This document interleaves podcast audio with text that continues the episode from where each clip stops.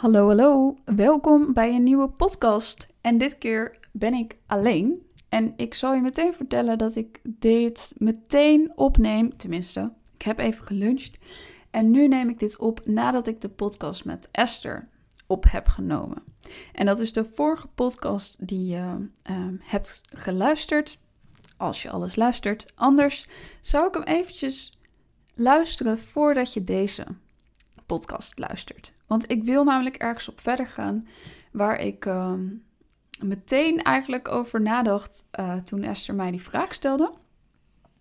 En waar ik ook tijdens mijn lunch en net even tijdens, nou ja, even landen weer in mijn, uh, even weer schakelen tussen de dingen die ik doe vandaag, dacht ik, ik moet dit meteen opnemen. Want hier zit iets heel interessants wat ik met jou wil delen.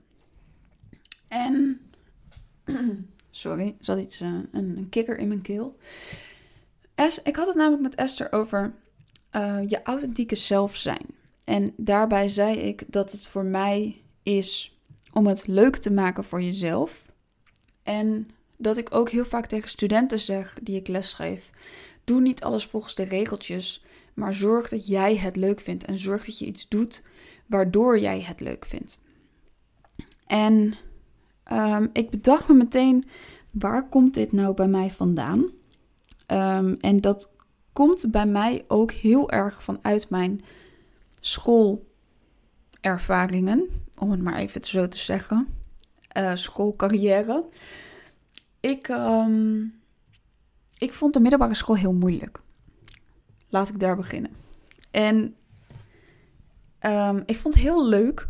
Ik vind leren ik heb leren altijd heel leuk gevonden. Oké, het begon misschien iets eerder. Ik begon op de basisschool. Um, maar lezen vond ik moeilijk. Ik vond het ook lezen heel leuk om te doen, want ik las boeken. Het ging alleen heel langzaam. En nou, ik weet niet van welke generatie jij bent, maar ik ben van de generatie dat ik AVI moest lezen en dat je op een gegeven moment AVI uit moest zijn. Nou, dat is mij nooit gelukt. In groep 8 uh, eh, zei de meester op een gegeven moment: Nou, Miranda, het is wel goed zo. Laten we maar zeggen dat je AVI uit bent. Want uh, het duurde allemaal een beetje te lang. Ik heb ook altijd RT gehad en dat soort dingen. Dat ik uh, van die teksten moest lezen en moeilijke woordjes moest je uit je hoofd leren die dan in die tekst kwamen. Nou, oké. Maar lezen zelf vond ik. Ik ging lezen niet stom vinden doordat ik het langzaam deed. Nou, op de middelbare school in de tweede klas ben ik er. Uh, ben ik getest op dyslexie en toen bleek ik uh, redelijk heftige dyslexie te, te hebben. En dan niet met spellen, maar echt, echt voornamelijk met lezen. Dus ik moet iets vaak lezen voordat ik het begrijp. Um, ik lees langzaam. Um, dat is allemaal in de jaren echt heel veel beter geworden. Voorlezen is verschrikkelijk. Ik moet niet iets gaan voorlezen, want dan begrijp je er helemaal niks van. Um, ook dat is wel iets verbeterd in de loop van de jaren. Maar ik wist er altijd mijn eigen weg in te vinden. En mijn eigen weg was door samenvattingen te maken, door te schrijven naast dat ik aan het lezen was. Um, nou, dat zou ik nu in de vorm van sketchnoten doen. Als je mij volgt, dan heb je vast wel eens sketchnotes voorbij zien komen. Zo niet. Kijk even op mijn Instagram, daar heb ik een highlight van. En op die manier maakte ik het voor mezelf leuk. Uh, wat ik heb gedaan op de middelbare school om mijn examens te leren en om te leren voor vakken die ik moeilijk vond, heb ik um, het ingesproken. Dus ik heb mijn eigen boeken voorgelezen ingesproken. En alles wat op een MP3-speler stond uh, in die tijd waren mijn eigen voorgelezen boeken. Want als ik het hoorde, um, dan kwam het wel binnen. Dus dan, uh, dan kon ik een stuk beter leren dan dat ik het alleen maar las. Kostte natuurlijk ontzettend veel tijd. Maar daardoor maakte ik het voor mezelf wel leuker. Oké, dat voorlezen was misschien niet heel leuk om te doen. Maar het hielp me heel erg. En daardoor ging ik steeds meer dingen op mijn eigen manier doen. Waardoor um, ik het leren voor mezelf ook echt leuker maakte. En ik heb gemerkt toen ik naar het HBO ging, toen had ik daar eigenlijk niet zo heel veel last meer van. Uh, ik heb uh, Communication Multimedia Design gestudeerd en daar viel het heel erg mee met wat voor dingen je moest lezen. Um, maar het afgelopen half jaar heb ik een studie gedaan om mijn basiskwalificatie didactische bekwaamheid te halen. Uh, mijn diploma ligt hier naast me, dus vandaar dat ik het zo uh, goed in één keer kan zeggen.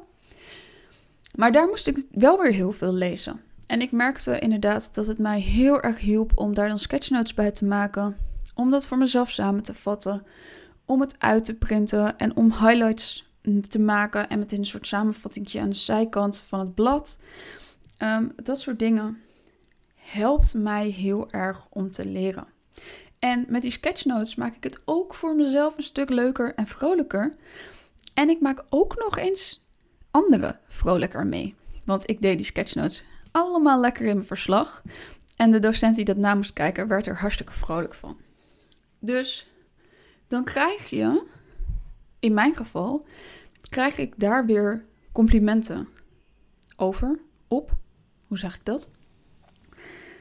Waardoor ik een bevestiging krijg um, dat ik er mag zijn, dat ik het goed doe. Klinkt een beetje heftig, maar dat is voor mij een bevestiging dat ik het op mijn manier heb geflikt. En ik denk dat dat met de jaren heel erg groeit. Um, dat je dat ook daadwerkelijk zo voelt. Um, over mijn middelbare schoolperiode. Uh, heb, ja, daar heb ik wel geflikt, maar dat voelt niet heel erg zo. Ik heb uh, drie keer eindexamen gedaan. Ik ben twee keer gezakt voor mijn, voor mijn eindexamen. En bij de derde keer wel geslaagd. Dus dat voelde vooral als: jeetje, Mina, ik moet het nog een keer doen. Um, maar ook dat heb ik wel echt op mijn eigen manier geflikt door dingen samen te vatten. En door um, ja, mijn eigen weg daarin te bewandelen. Leuke anekdote. Engels was mijn uh, slechtste vak.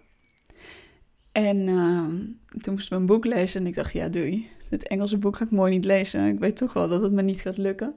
Dus ik neem wel een Nederlandse variant ervan, want die was er, Nederlandse vertaling. En toen kwam ik er in de les achter dat de namen anders waren. Dus ik wist alles, want ik had het Nederlandse boek hartstikke goed gelezen. En toen uh, zei ik een paar namen in die les, want uh, de lerares vroeg daarom. Van, nou ja, wat deed die, hoe, hoe ging het begin van het verhaal, of weet ik veel. En toen zag ik al mensen kijken bij die namen van, hè, waar heb jij het over? En de rest van het verhaal klopte natuurlijk wel, maar de namen klopten gewoon niet. Dus toen viel ik door de mand. Maar ook daar kan ik nu hartstikke hard om lachen. En ik vind dit bij studenten en bij ondernemers eigenlijk precies hetzelfde. Ook zo vet om te zien als iemand geheel zijn eigen stijl ergens in doet. Of zijn eigen um, ja, ja, zichzelf eigenlijk laat zien in wat diegene ook doet. Uh, bij studenten vind ik het bijvoorbeeld heel tof als ze zelfgemaakte illustraties in een verslag zetten. Uh, daar ga ik natuurlijk op aan, omdat ik dat zelf ook heel erg leuk vind om te doen.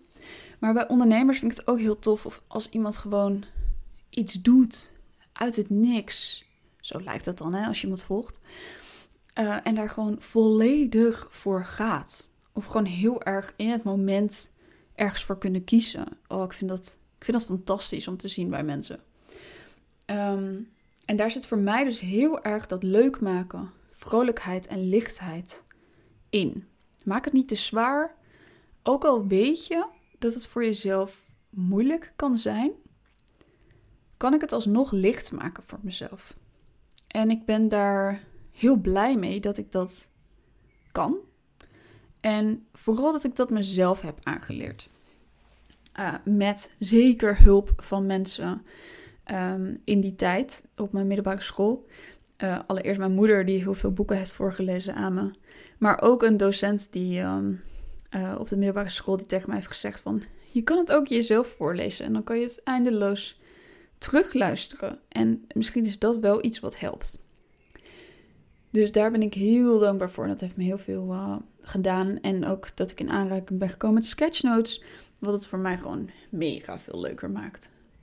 Ehm, ja, dus vind een weg die voor jou leuk is. Die voor jou licht voelt. Die voor jou vrolijk is.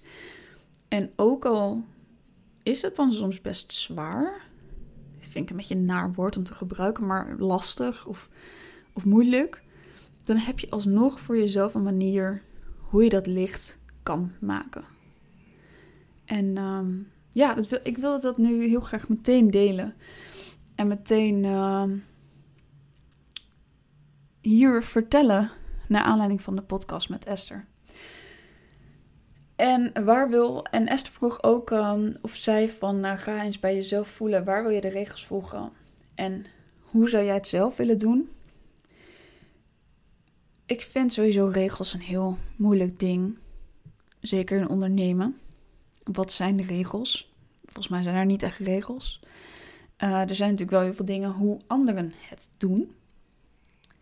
En ik denk dat ik daar nooit heel erg op let. Um, ik denk dat ik sowieso wel redelijk mijn eigen weg daarin ga. Maar dit is nog wel iets waar ik over na ga denken. Zoals je hoort heb ik niet meteen een antwoord. Dus wellicht komt hier nog een podcast over. Maar in ieder geval wilde ik alvast vertellen waar het bij mij heel erg vandaan komt. En dat is denk ik ook al een stapje naar hoe wil ik het doen? En wat wil ik uitdragen naar de wereld? Dit is stap 1. Dankjewel voor het luisteren. Um, even een korte podcast van mezelf tussendoor. Vind ik ook erg leuk. Uh, ik vind het leuk om uh, mijn gedachten met jullie te delen na aanleiding van een andere podcast. Ik denk dat dat ook een heel tof concept is. Dus als jij het ook tof vindt, laat het vooral weten. Deel dat je luistert in je stories. Vind ik mega leuk. En tot de volgende podcast.